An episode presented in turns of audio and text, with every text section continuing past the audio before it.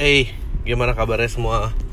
Lu dengerin lagi dengerin podcast awal minggu untuk tanggal 1 Oktober eh 2017 eh 18 2018 eh 2018 Jeez Udah Oktober aja Meaning kita sudah masuki Kuartal terakhir di bul di tahun 2018 ini. I don't know um, gue senang gue no actually gue pengen cepet tahun ini berlalu. Gue pengen cepet pilpres berlalu karena um, ya udah nggak penting lah maksudnya udah gue nggak tahu sih um, gue pengen pilpres capek perseteruan keluarga. By the way gue malas ngomong itu. Gue uh, I just realizing how much uh, the world has changed gitu. Gue hari Jumat menjadi pembicara di Creative Mornings tentang chaos. Um, hari Minggu kemarin gue jadi pembicara podcast 101 dari Inspigo. Um, apa ya namanya? Ya maksudnya connectivity tuh ternyata banyak orang yang bisa bertemu dan apa maksudnya dulu tuh dulu sesuatu hal yang jauh aja gitu. Si Aryo ngobrol sama Aryo si Aryo cerita tentang oh gue sebetulnya udah ngeblok lama tentang gadget bla bla bla dan dia udah konsisten tentang itu atau zaman dia kuliah. Sedangkan gue baru bilang lu tau gak sih kan gue di satu hari hari bilang lu tau gak sih gue tuh kuliah baru punya email dan gitu emailnya masih yang nama-nama imo yang belum pakai nama asli gitu. Terus gue pakai nama asli baru tahun berapa gitu gue bikin uh, it's fucking crazy aja gitu how reluctant ya gue ber adaptasi dengan teknologi. I don't know why gue kayak gitu. I don't understand. I think at that time ini nih gue akan akan ngomong lebar gitu tentang konektivitas. Gue nggak tahu kenapa gue reluctant sama teknologi. I don't understand it. And then penyebabnya kenapa. Dan I think at that time paling penting dalam hidup gue adalah relationship. ternyata gue sama galau nya I really do like buat gue penting banget. And then I thought there's nothing else in this world gitu. Um, abis SMA kuliah dan ya udah punya pacar aja gitu. And then bekerja lah terutama gue gue nggak tahu bahwa sharing konektivitas can make you key opinion leader. Cah key opinion leader. Um, apakah gue selalu tertarik untuk menjadi itu? Jawabannya enggak karena ya enggak gue suka berkesenian aja tapi um, ya waktu itu musik karena nggak ada ya nggak ada nggak ada pilihan lain um, selain bermusik gitu maksudnya uh, gue pengen koleksi tapi gue nggak pernah nyampe. Anyway um, ya yeah, so so gue nggak pernah ini gue kemarin baru ngobrol sama temen gue gitu. Orang yang menghabiskan kita kan ibarat boom sosial media gitu ya 2008 gitu misalnya 2008 which is like uh, 2008 tuh 10 tahun yang lalu ya gitu. Uh, Twitter influencernya maksudnya lu kalau early 20s maksudnya lu di early 20s lu di di du, 2008 nah 2000 iya 2008 tuh kan gue 24 25 gitu ya 25 lo ya lo kalau dari 20-annya 20-annya di 2008 itu beda banget sama yang 20 dua, di 2008 dia di 25-an gitu. Gue di 24 25 kalau nggak salah ya 2008 2009 lah.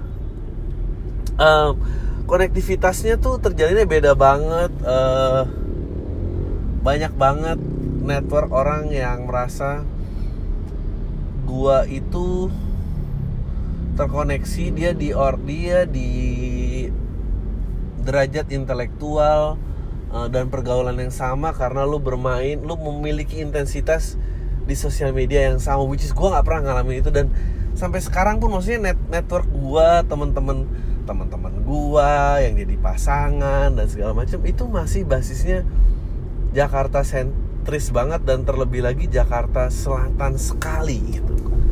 Dan bahwa kemarin um, ngobrol sama teman gue dia dari orang daerah timur ingin uh, daerah timur terus terkoneksi dengan orang yang dari daerah Sumatera uh, dan mereka bukan kayak kalau kayak gua gitu kan bokap gua itu udah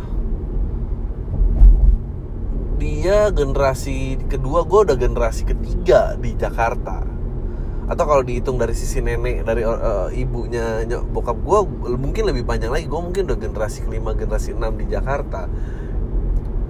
Ibu gue uh, orang pertama. Jadi kayak ada satu generasi yang berbeda gitu um, ya mereka uh, sama-sama umurnya nggak terpaut jauh dari gue tapi padahal baru di Jakarta. And then yet gue nggak mau bilang sangat Jakarta atau sangat internasional ya gitu tapi um, preferensi itu sudah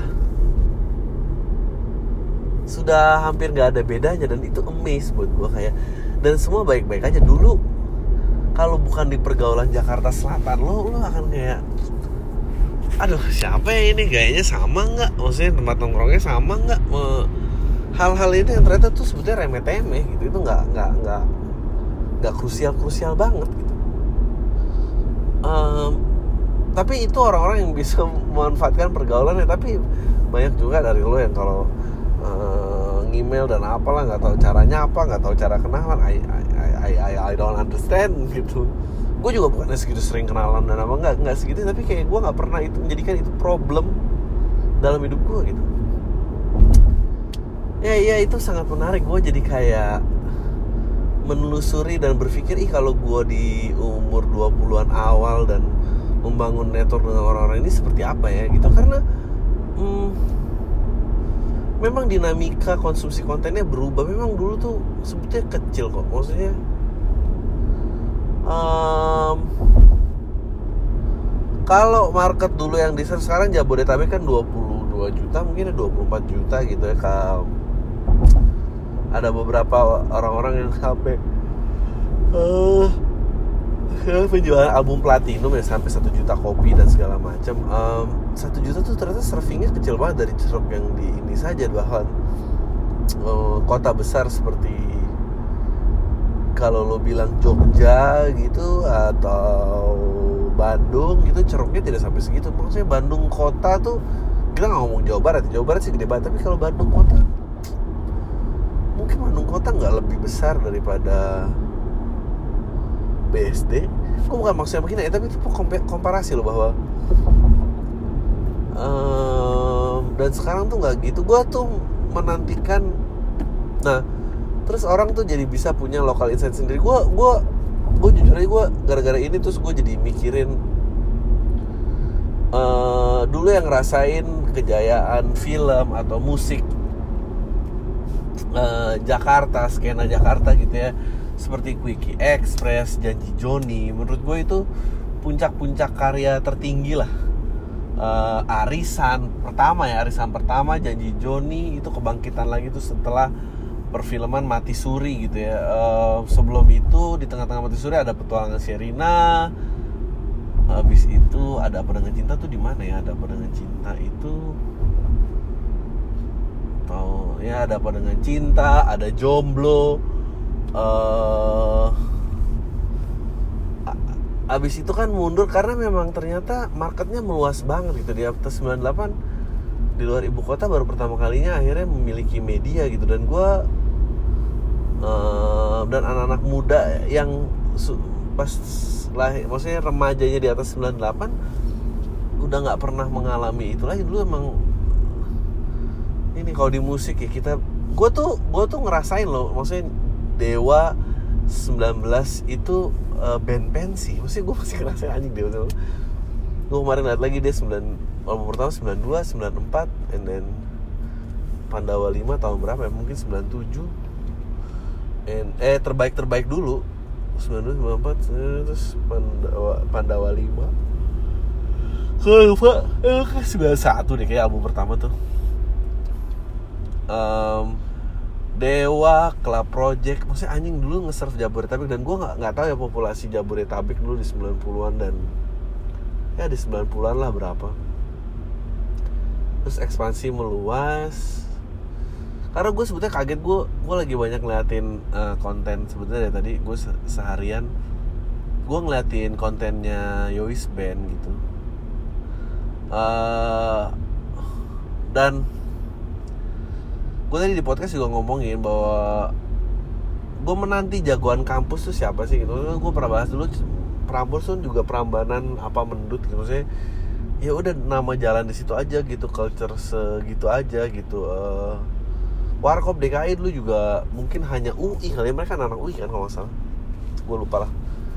Gue gue menunggu jagoan kampus gitu maksudnya yang karena geografi sudah mulai keluar nih. Surabaya tuh menurut gue Malang Surabaya tuh luar biasa sih. Bayu Skak nih gue nonton Yois Band anjing lah. Maksudnya gue menikmati anjing cerita remaja bener gitu konflik antara perempuan yang nanya lo milih band lo milih gue gitu. Masih anjing itu uh, dari nama penamaan band maksudnya menarik gitu. Dan masyarakat ibu kota sih gitu. Dan uh, yang terutama fokusnya di Jakarta Selatan itu nggak bisa ngomong bahwa hey you know itu katro nggak applicable. Nggak menurut gue dia sangat dia sangat mengkerucut ke dalam. Anjing gue cinta banget sih karakternya semua maksudnya uh, anak uh, dari penjual pecel penjual pecel yang uh, disuka digodain sama duda-duda di komplek gitu terus kayak yang yang terus yang ya harmless aja gitu terus kayak masa nggak mau kawin sama saya sama saya anjing lah. Um, ya gue nungguin sih gue nungguin yang yang mungkin pers gue nungguin uh, yang ngebahas what's happening sih di di di di kampus gitu apa di kampus tuh udah uh, lo lo sendiri gitu apa gimana sih gitu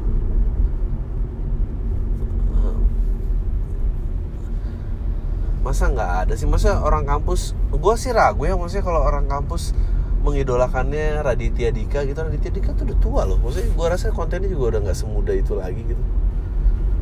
Uh, ya. Yeah. um, that leads me dari gara-gara Yois Band gue jadi ngeliatin uh, akunnya ada dua.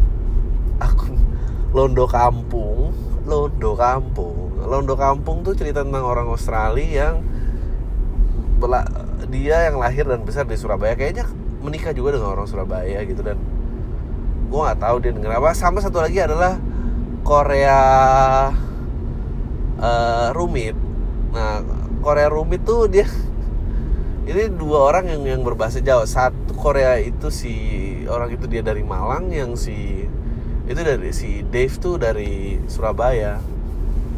Dan uh, yang Korea itu dia umur 2 tahun kalau nggak salah nyampe di Malang nggak tahu gimana ceritanya umur 9 tahun 96 97 gitu. Kan dia bilang Krismon kan tuh global ya Krismonnya sebetulnya. Dia keluarga dari Korea pindah ke uh, Indonesia dan jadi akhirnya lancar lah berbahasa Jawa gitu. Um, dan kayak dunia baru aja gitu kayak wow gue terkoneksi sama orang yang ada di, di Jakarta di di Indonesia dia 14 tahun di Malang 2 tahun di Jakarta kalau nggak salah. Akhirnya udah udah balik lagi ke Korea. Um, dan followingnya banyak. Dan dan buat gue lebih menyenangkan lebih genuine gue gue gue menikmati sekali kontennya gitu. Um, dan dan sekarang orang bisa terkoneksi dia ketemu. Gue nggak tahu ya siapa yang dengerin ini di Korea. Untuk ntar, ntar lu coba lihat apa lo juga mungkin kenal. I would love to know the guy uh, I would have a chat what's beyond uh, yang dia udah sajiin di kamera. Uh, ya itu gue jadi kayak sadar wow gue um, I really am missing out man. Maksudnya dulu internet tuh internet tuh first of all waktu gue masih ngerasain internet yang belum 2.0 gitu jadi hanya satu arah doang um, terus ya YouTube juga belum ada. Apa ya waktu itu gitu um, terus apa ya? Gue kira internet ya hanya main game dan um, chatting. Nggak ada lagi yang asik gitu. Ternyata konektivitas dan pergaulan dan nggak tahu sih gue ngerasa gue banyak kayak harus kayak gue harus turun derajat sedikit gitu of nggak menjadi terlalu aristokrat gitu. Dan melihat uh, Indonesia dengan perspektif yang baru I think your generation sih menurut gue akan menjawab banyak hal banget sih sejujurnya gitu. Saya um, kedewa gue gue nggak tahu sih gue berharap banget sih. Karena misalnya generasi lo adalah generasi yang paling full of knowledge gitu di mana istilahnya modernitas dan apa ya namanya? Uh, modernitas itu dan dan uh, itu bisa diraih gitu. Tanpa terbatas geografis dan ekonomi lagi gitu. Uh, that's just amazing gitu. Orang yang bangga dengan kelokalannya yet uh, berasimilasi dengan sesuatu yang baru.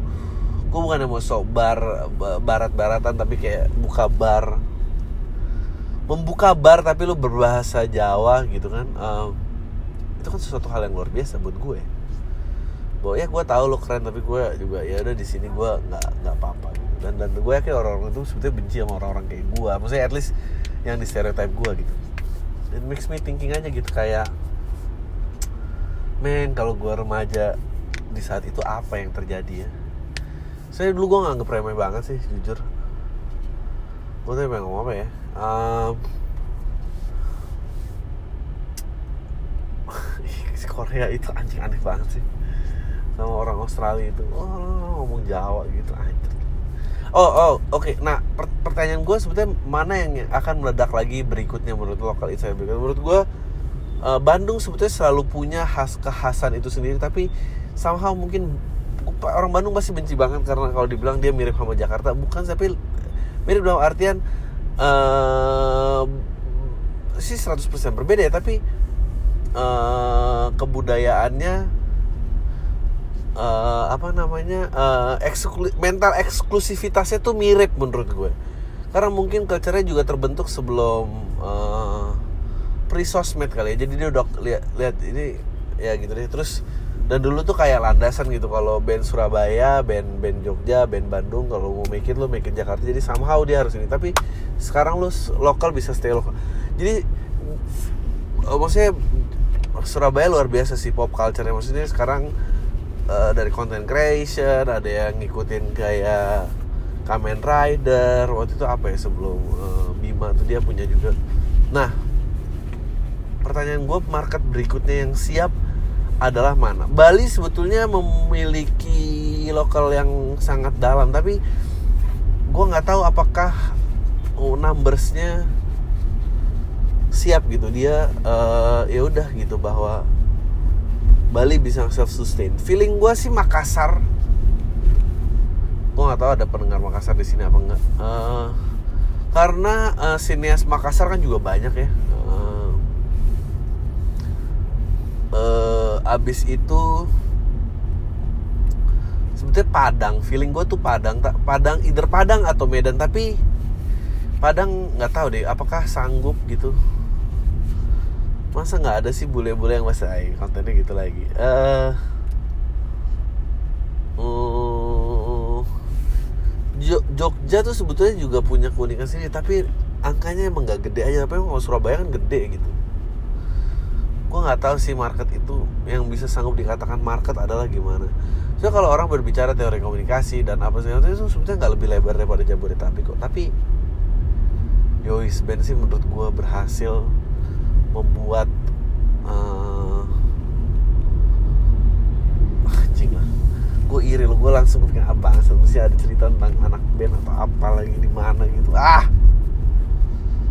Eh, ya yeah, so I think gue nggak tahu sih dari tadi gue cuma ngomongin tentang keresahan 20 menit gue berbicara tapi uh, ada yang lucu. Ya waktu itu oh, temen gue lagi gini, gini and then uh, gue sama temen gue and then ada sepasang uh, suami istri pasangan yang temennya temen gue yang kita lagi nongkrong bareng terus dia bilang terus istri uh, ya kita hangout tapi terus ada musik istrinya uh, joget joget joget gitu. Terus temen gue bilang gue nggak ngerti ya kenapa orang-orang Palembang tuh goyangnya gini semua. Gue nggak ngerti maksudnya apa tapi yang unik adalah frase orang Palembang goyangnya gini. Gue I didn't know bahwa ada stereotype uh, orang Palembang gitu. Uh, oh gitu gitu. Iya, iya, iya, iya. Terus kayak wow like gue nggak pernah you know. Dulu kan semua stereotype semua dari perspektif ibu kota gitu. Maksudnya Sunda seperti ini Jawa seperti ini Manado seperti ini uh, Ambon seperti apa maksudnya uh, ya udah gitu. Now anjing lah. It's amazing sih menurut gue amazing. Kejogetan nggak eh eh, eh. I, I didn't even know. Gue ngomong kayak karena memang waktu itu pergaulan ini gue gue akan cerita sih mungkin pergaulan Jakarta Selatan tempo dulu gitu ya yang at least uh, eh, gue remaja di 90-an akhir. Gue mulai SMA sebetulnya gue uh, SMP tuh Tangsel. Lo bayangin Tangsel waktu itu Tangsel terus pindah ke Jakarta Selatan untuk SMA dari tahun 99 sampai 2002 itu tuh culture shocknya luar biasa karena ngeliat Jakarta Selatan kayak wow gitu kayak dan gue dari Tangsel gitu yang kayak eh uh, Tangsel tuh waktu itu juga baru ada mungkin bioskop juga baru Bintaro Plaza gitu. Anjing Tangselnya masih Bintaro Plaza ya bukan Tangsel mana. Dan habis itu ada perubahan. Tadinya Banten jadi Tangerang Selatan terus kayak udah pokoknya ke Jakarta lo ngelihat blok M gitu yang kayak anjing lah nih blok M gitu. Um, karena mainan gue paling paling jauh waktu itu kalau nggak kalau nggak Bintaro ya Pondok Indah gitu terus ngelihat blok M tuh kayak anjing lah gitu. Dan waktu itu uh, blok M ya udah habis itu ya daerah tengah yang di selatan lah gue belum main tuh sampai ke kota dan segala macem uh, semua itu menurut gue uh, Jakarta Selatan itu ya pergaulan ada di Bulungan, Mahakam, uh, Sisinga Maharaja, 82 itu di mana ya? Lupa gue. Uh, ya udah itu hama hama tiga Setiabudi Kuningan gitu. Dan lu the it people banget gitu. Kalau emang lu punya temen beda sekolah bikin acara apalah maksudnya uh, ya itu pergaulan ya gitu. Jadi di enen beranjak ke kuliah ya merajai jadi di maksudnya kalau lo keren ya lo jadi anak band. Tapi kalau lo mau hipster banget tuh jadi anak lo lo uh, eh, DJ dan segala macem gitu. Terus um, dan de, ya permainannya cuma itu. Atau lo jadi artis. Tapi even yang jadi artis aja kayak artis tuh even waktu itu ya you're not even cool enough buat Jakarta Selatan gitu. Selalu ada layer-layer lagi yang lebih dalam di mana kayak um, yang memang menurut gue uh, inpar ya kayak misalnya kalau dari musik gitu kayak Humania menurut gue Humania the time anjing itu mereka kayak lebih awal 20 tahun dan dan dan um, dan gue nggak sadar betapa lamanya gue hidup dalam bubble itu gitu uh, ya jadi pergaulan Jakarta tuh kayak gitu. Ya mungkin era sebelum gue adalah Mas Boy yang you know lo lahir di Jakarta Selatan uh, ya di Jakarta lah gitu. Mungkin percik gitu ya sama orang-orang kaya lama gitu. Terus kuliah di luar negeri di Amerika ini balik. Orang-orang kaya lama itu ada, ada juga. Jadi kita masih berusaha to emulate pergaulan orang-orang itu gitu. Dan sekarang lo tuh nggak butuh itu lagi gitu. Malah menurut gue udah nggak keren sih kuliah di luar negeri apalah itu udah nggak udah nggak relevan lagi sih. Anjing itu runtuh banget loh dan orang tuh kerja keras untuk untuk dulu kerja keras untuk mendapatkan uh, status itu. Luar biasa ya. Cepet banget dunia berubah men. Dan dan gue kayak ya udah abis itu balik pekerjaan ya udah pekerjaan ya lo kejar pergaulan SCBD dan um, sekitarnya gitu yang yang memang uh, ya udah tuh itnya uh, it it locationnya dan sekarang tuh kayak anjing lah udah ke mana-mana aja gitu. Udah nggak butuh udah nggak butuh validasi lagi untuk mendapatkan stempel pergaulan gitu. Uh, bentar ya um, ya lu udah nggak perlu stempel pergaulan itu dan fuck lah orang terkoneksi banget. Dan gue sebetulnya minder gitu dengan kearifan lokal you know. Tourism tourism berkembang luas banget maksudnya anjing gue dulu cuma ngerti Bali destinasi liburan gitu ya Bali. Jogja itu juga kayak ya karena kayak lu nggak mampu ke Bali gitu. Gue bukan ngeledek Jogja ya tapi at that time begitu keadaannya gitu uh, Bandung ya Bandung trip-trip deket gitu um, and then lu langsung straight ke Singapura dan apa sih anjing memang teknologi ini bring people together. I I don't know. Gue gue gak ngerti sih sebetulnya gue ngomongin apa tapi you get the idea lah betapa anjing semua sekarang affordable. Dulu tuh dulu tuh lu ke Singapura gitu lu bayar fiskal. So if if apa pun yang yang lu kalian punya sekarang tuh nggak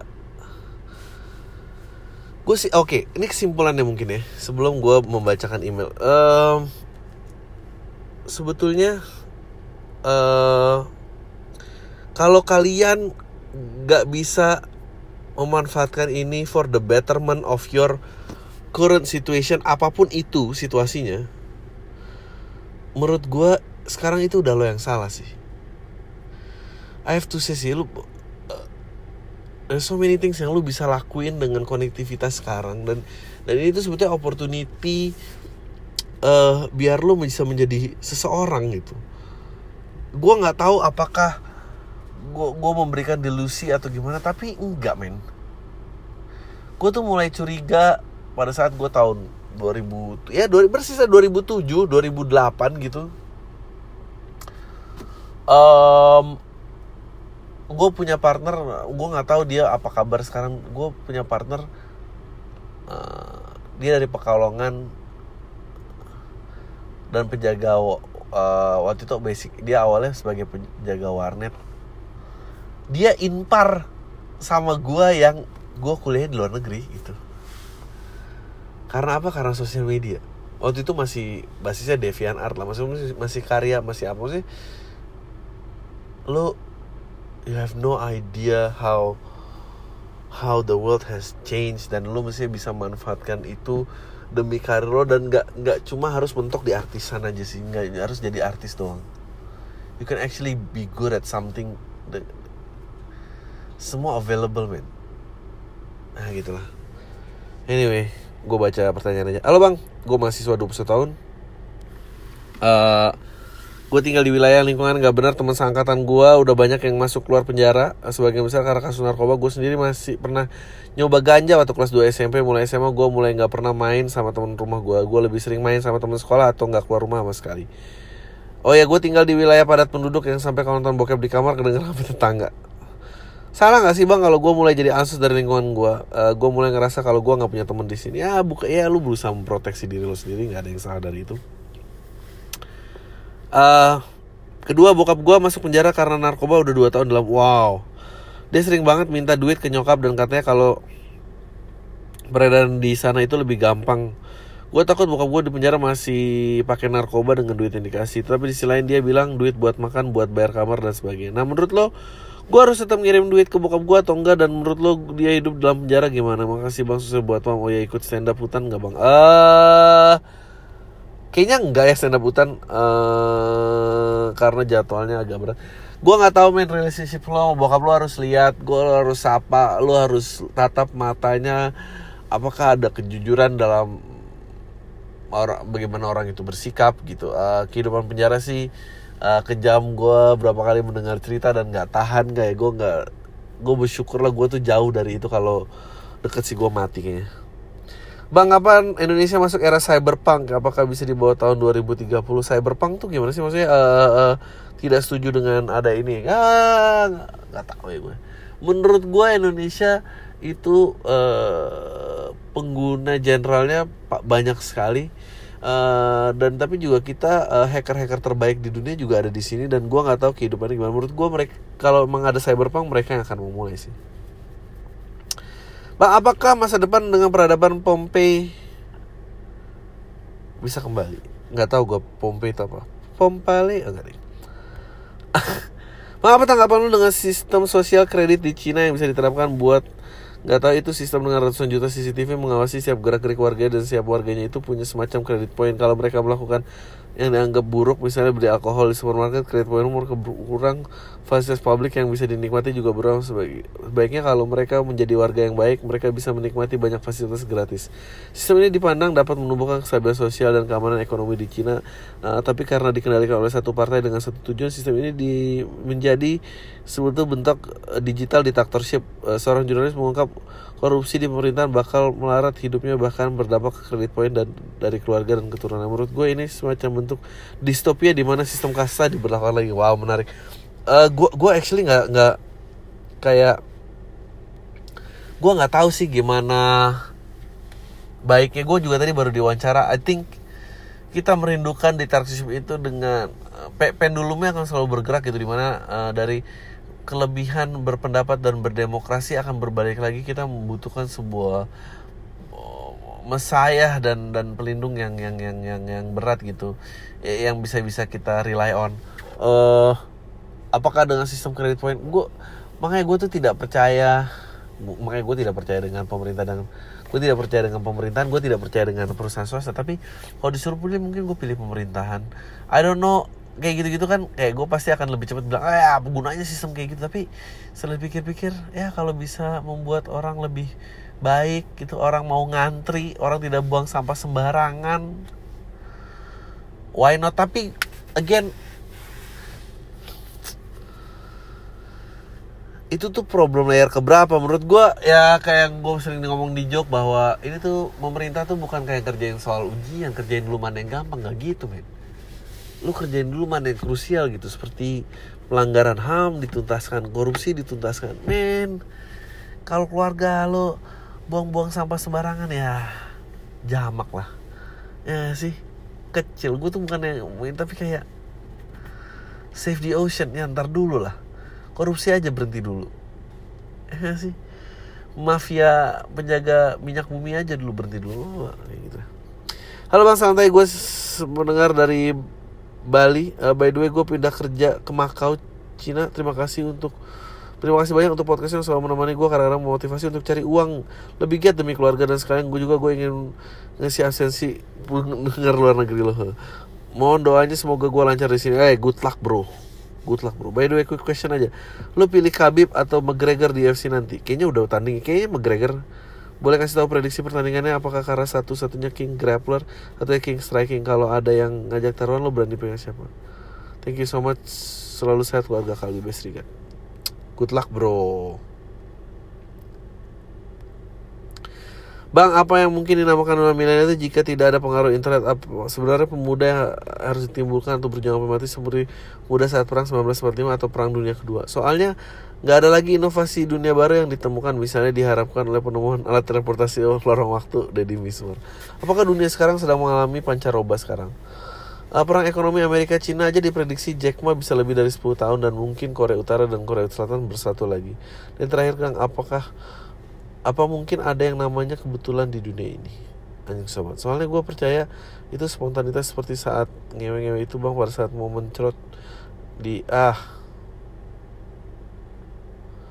ini ngomong apa sih?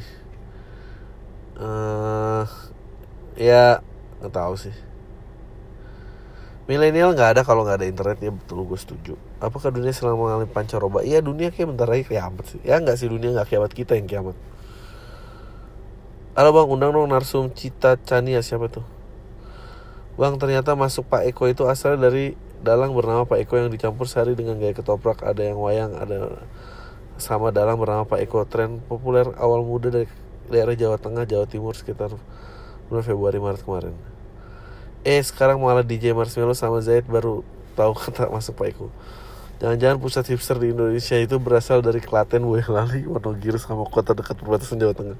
Soalnya yang dari mainstream saja menciptakan lagu Pagi Cantik Penciptanya berasal dari Klaten, Jawa Tengah. Wujud Manchester United aja masih ada logo Nike Sebelum ganti Adidas saja buatan Boyolali Mungkin aja bang, ini mungkin saya pernah internet culture pro hipster pusatnya di salah satu dunia berasal dari Jawa Tengah Ya gue setuju Ya tadi juga Malang sama Surabaya jadi ya Oke, gimana cara meluluhkan hati cewek yang mandiri banget? Gue naksir cewek doi S2 dan 2 tahun lebih tua daripada gue. Alasan utama gue naksir adalah doi orang intelek dan banyak tahu soal pengalaman itu. Tiap kali kita ngobrol arahnya biasa menjurus ke omongan yang lumayan dark tapi membuat gue enjoy dan kita bisa ngomong itu tanpa beban dan prasangka apa rasanya kayak ngomongin hal biasa aja. Ini juga membuat gue nyaman sama doi dan bikin gue naksir sama doi. Secara gue juga emang tertarik sama cewek yang bisa diajak ngobrol macam-macam. Doi ini masa lalu cukup kelam ternyata dalam hidupnya ada kisah perceraian, pembunuhan, perkelahian, berantem antar keluarga, pengorbanan dan lain-lain. Udah kayak film nih bang, gara-gara itu Doi ini tipe cewek yang independen banget jadinya uh, kuliah dapat beasiswa tapi masih kerja doi bilangnya pengen sendiri karena doi nyaman gitu. Apa yang harus gue perbuat buat bang buat meluluhkan hati cewek kayak gini? Oh lu bilang aja. Nggak apa-apa, kamu mau sendiri nggak apa-apa. Tapi aku mau di sini sama kamu boleh nggak? serah terserah. Tapi lo harus tahan lo harus tahan banting juga. Aku yang nomor berapa sih? Nggak apa-apa. Aku boleh deh nomor 4 tapi kalau aku ada kesempatan nyalip aku mau naikin tangga itu. Uh, eh, gue makin denger cerita gini gue makin sayang tapi pengen melindungi. Tapi kalau hati ya sekeras batu ini gue juga karena bingung bang ya gitu coba aja berterus terang. Oke. Okay. uh, Halo Bang Arita yang sudah bacain 23 September. Oke. Okay. Halo Bang sudah bacain email aneh-aneh punya beberapa pertanyaan nih. Baca per poin aja Bang. Lu sebagai seorang yang udah Yang udah istri ah, Menurut lu dominan siapa misalnya sama mengambil keputusan Ah Dominan siapa ya Gak tau gue Gue tuh gak bisa menjadi orang dominan kayak It takes two to tango gitu. Jadi kalau nggak nggak dapat gue malah pusing sendiri. Maksudnya gue jarang memaksakan kemauan gue sih. Itu dia kenapa gue sering kalah juga kayaknya. Lanjut ada pertanyaan satu bang. Gue udah punya abang yang udah nikah namun hubungan suami istrinya benar-benar didominate sama istrinya hingga istri yang larang ngasih duit abang ke nyokap. Sampai sembunyi-sembunyi. Menurut lo gue boleh negesin ke istrinya gak sih? Tapi anak raga takut abang aneh kena lagi tuh. Uh, ya menurut gue itu rumah tangganya mereka sih bukan rumah tangganya lu. Uh, lo kan skeptis bang sama demokrasi lo nggak percaya masa demokrasi yang mau ngambil bahwa setiap keputusan itu bukan rakyat yang mengambil tapi bagaimana negara Swiss yang menjalankan direct demokrasi. Ah uh, tapi kan Swiss lo harus lihat negaranya sih. Maksudnya demokrasi itu kalau nggak salah kalau nggak salah ada tatanan faham masyarakat ya tatanan itu masyarakat yang oke ini dibangun ini runtuh monark runtuh apa runtuh ini runtuh ini runtuh runtuh sampai lo akhirnya sampai di suatu titik gitu. Nah kita di fast forward kayak gini itu gimana ceritanya? Lo kan sudah tinju bang skandal sebesar apa sih yang ditinju sampai sekarang belum terbongkar? Thanks bang. Uh, sehat selalu buat keluarga lo uh, Don King tidak terbongkar skandalnya dengan Mike Tyson. Um, iya Mike Tyson banyak sih skandalnya menurut gue yang dia di, di penjara gara-gara pemerkosaan dan dia tidak pernah memperkosa gitu gitu loh.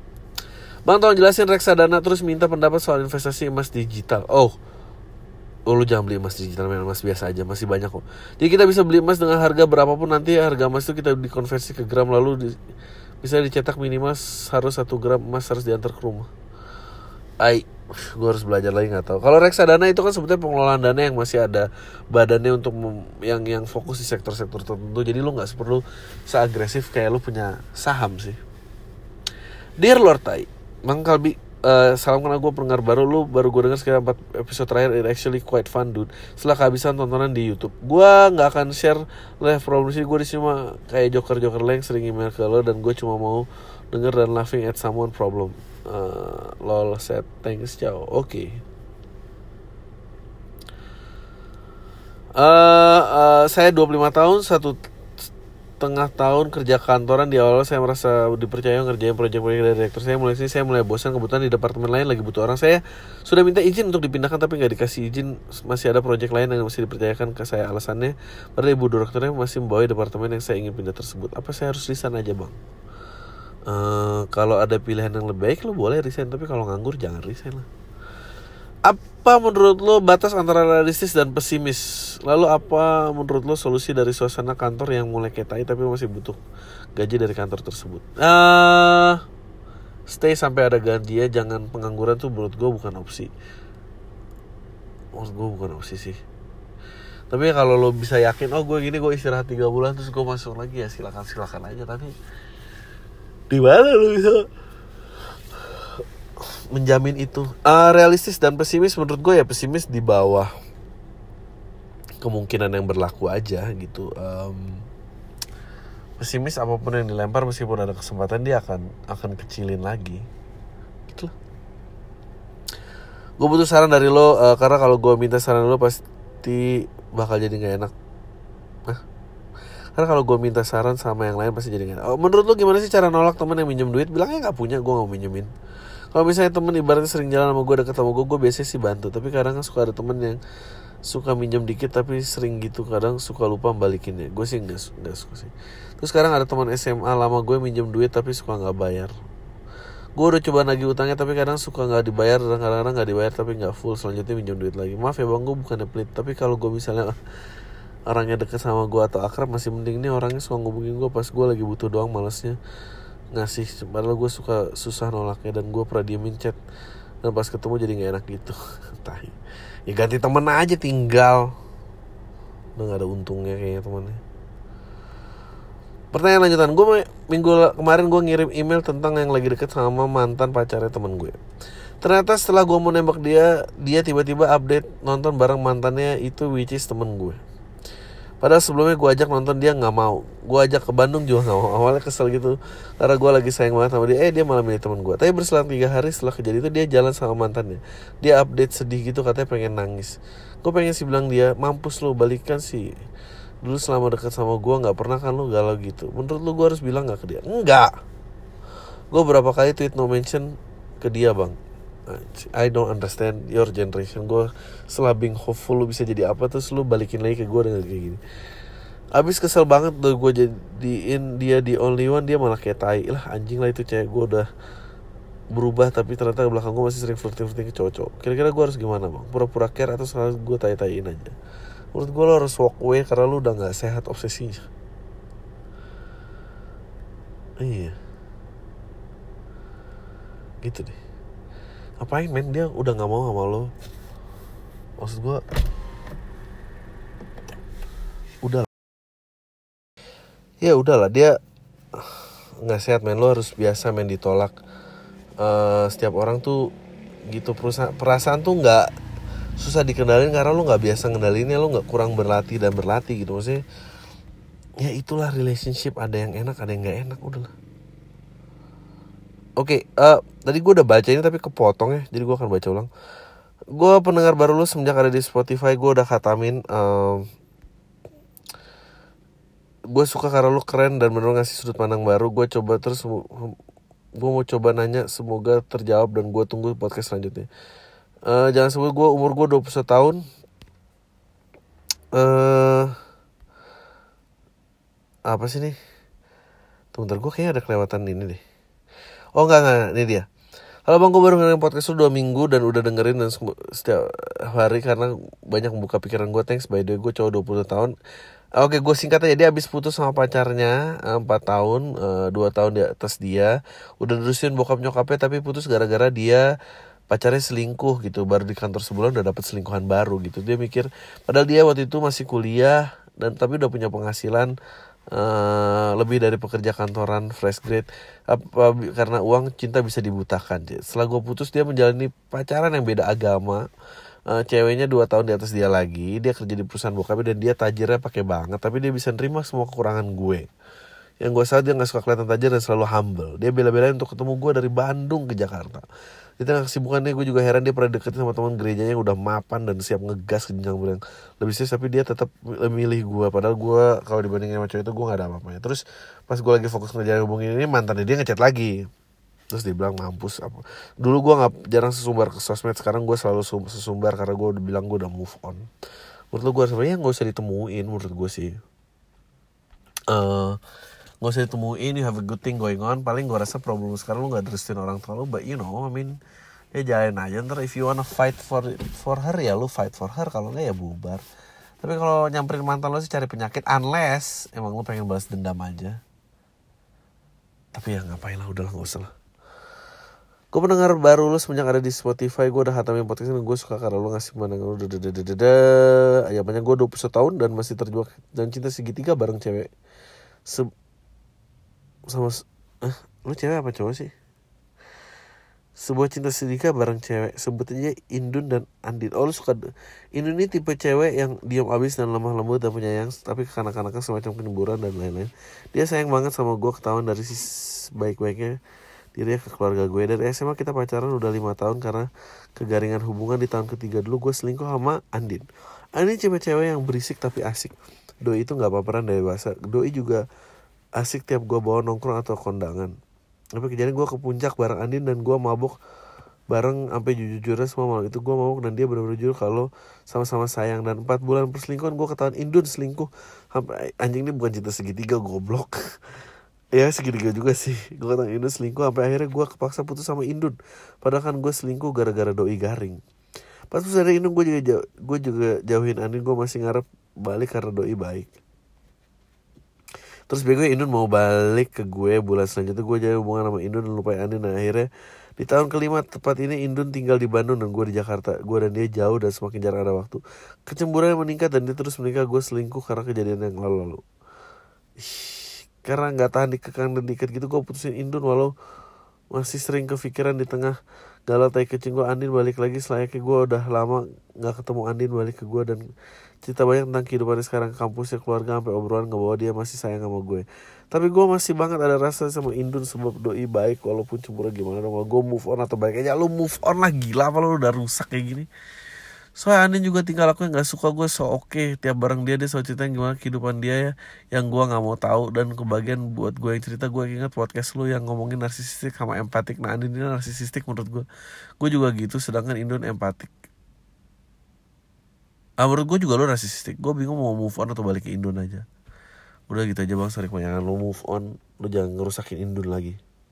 Kasihan men. Dia tuh rusak gara-gara lo pasti. Oke. okay. Bang gue pendengar baru proses semenjak ada di Spotify. Oh ini mah kok lo ngirim dua kali sih? Uh, Assalamualaikum Waalaikumsalam. Tolong bacain di pam email pertama gue Setelah setahun dengerin di pam Walaupun kebanyakan cuma di play Dan gue yang lamun gak jelas. Gue tau lo awalnya karena nonton stand up Patra gue malah disuci dia menyebut nama lo pas close mic. Ya gue cuma dengerin pam saat gue lagi depresi berat dan terima kasih banyak karena lo selalu membantu gue dengan masa itu dengan perspektif lo yang aneh tapi menarik gue mau nanya bang lo merasa risih gak sih sama orang yang punya standar ganda? Tapi bukan kita pada standarnya punya standar ganda ya bang. Betul setuju gue Contoh kecil, kita lain kentut kita bisa tutup hidung. Tapi kalau kita yang kentut biasa aja Bahkan ada orang menikmati bau kentut sendiri. Kalau orang lain yang lakuin jelek banget tapi kalau kita yang lakuin nggak apa-apa tolong dijawab bang. Ya memang begitu manusia. Iya. Yeah. I think you're quite wise untuk men bisa melihat ini Oh ya bang lu sortir email dari pendengar gimana sih? Bukannya banyak banget ya pasti Apakah semua dibacain email? Kayak apa yang kemungkinan besar bakal bacain di pam Yang kebaca aja. Gak begitu banyak sih yang disortir Gak segitu banyaknya kok. Udah segitu aja keep the good work and have, have a great life. Thank you sama-sama brother. Oke. Okay. Halo bang, gue udah dengerin podcast lu selama setahun ini Dan thank you udah nemenin kegabutan gue dengan ocehan lu Beberapa omong lu emang ada benernya. Sebagian besar ngaco Gue cowok 26 tahun, gue tamatan S2 MBA ITB sama gue kuliah full of training pengembangan diri gue represent Indonesia untuk misi sosial di Cina. Gue sempat asisten konsultan dan lain-lain. Dan sebenarnya gue over prepare persen so April ini gue baru kelar S2 dan gue udah apply ratusan locker. Dan sejauh ini belum ada tawaran dari perusahaan. Anjingnya gue udah beberapa kandidat karyawan yang tamatan S2 gagal di ujian masuk kerja karena usia kami di atas 25 tahun. Dan my question is menurut lo gimana sih perusahaan melihat calon karyawan dengan background pendidikan master tamatan luar negeri? Karena gue merasa untuk sekarang masih belum ada harganya. Lebih cenderung ke working experience. Ya memang gitu. Karena MBA juga udah banyak banget sih men. Lo pernah nggak nganggur lama? Kalau pernah gimana cara lo ngejar jenuhan gue udah 6 bulan nganggur dan gue kehabisan ide gila? So bang sampai ketemu tanggal 28.30 ah please visit podcast Panda Besar. Ah pernah gue pernah nganggur 10 pertama kali gue kerja 6 bulan dan gue resign dan nganggurnya 10 bulan. Gue habis lulus nganggur 6 bulan kerja pertama habis itu nganggur 10 bulan and then kerja terus and then di umur 28 gue nganggur 2 tahun. Nggak dua tahun nggak nganggur 2 tahun sih gue berpenghasilan tapi gue nggak kantoran Halo bang, nama gue ada ada penggemar lo dari Blitar. Impersonate dong orang-orang yang masuk daftar CF. Lucu nih. Orang-orang yang daftar CPNS tapi servernya penuh nggak bisa masuk karena webnya nggak bisa masuk webnya. Jancok. Oh daftar CPNS kok nggak bisa. Deh. Tai nih. Gue tuh bingung. Gue juga bingung sih kenapa fasilitas digital yang berbau pemerintahan tuh selalu rusak. I also don't understand. Oke. Okay gue baru ngikutin podcast lo dua bulan terakhir semenjak gue balik ke Jakarta setelah enam tahun gue kerja di luar kota.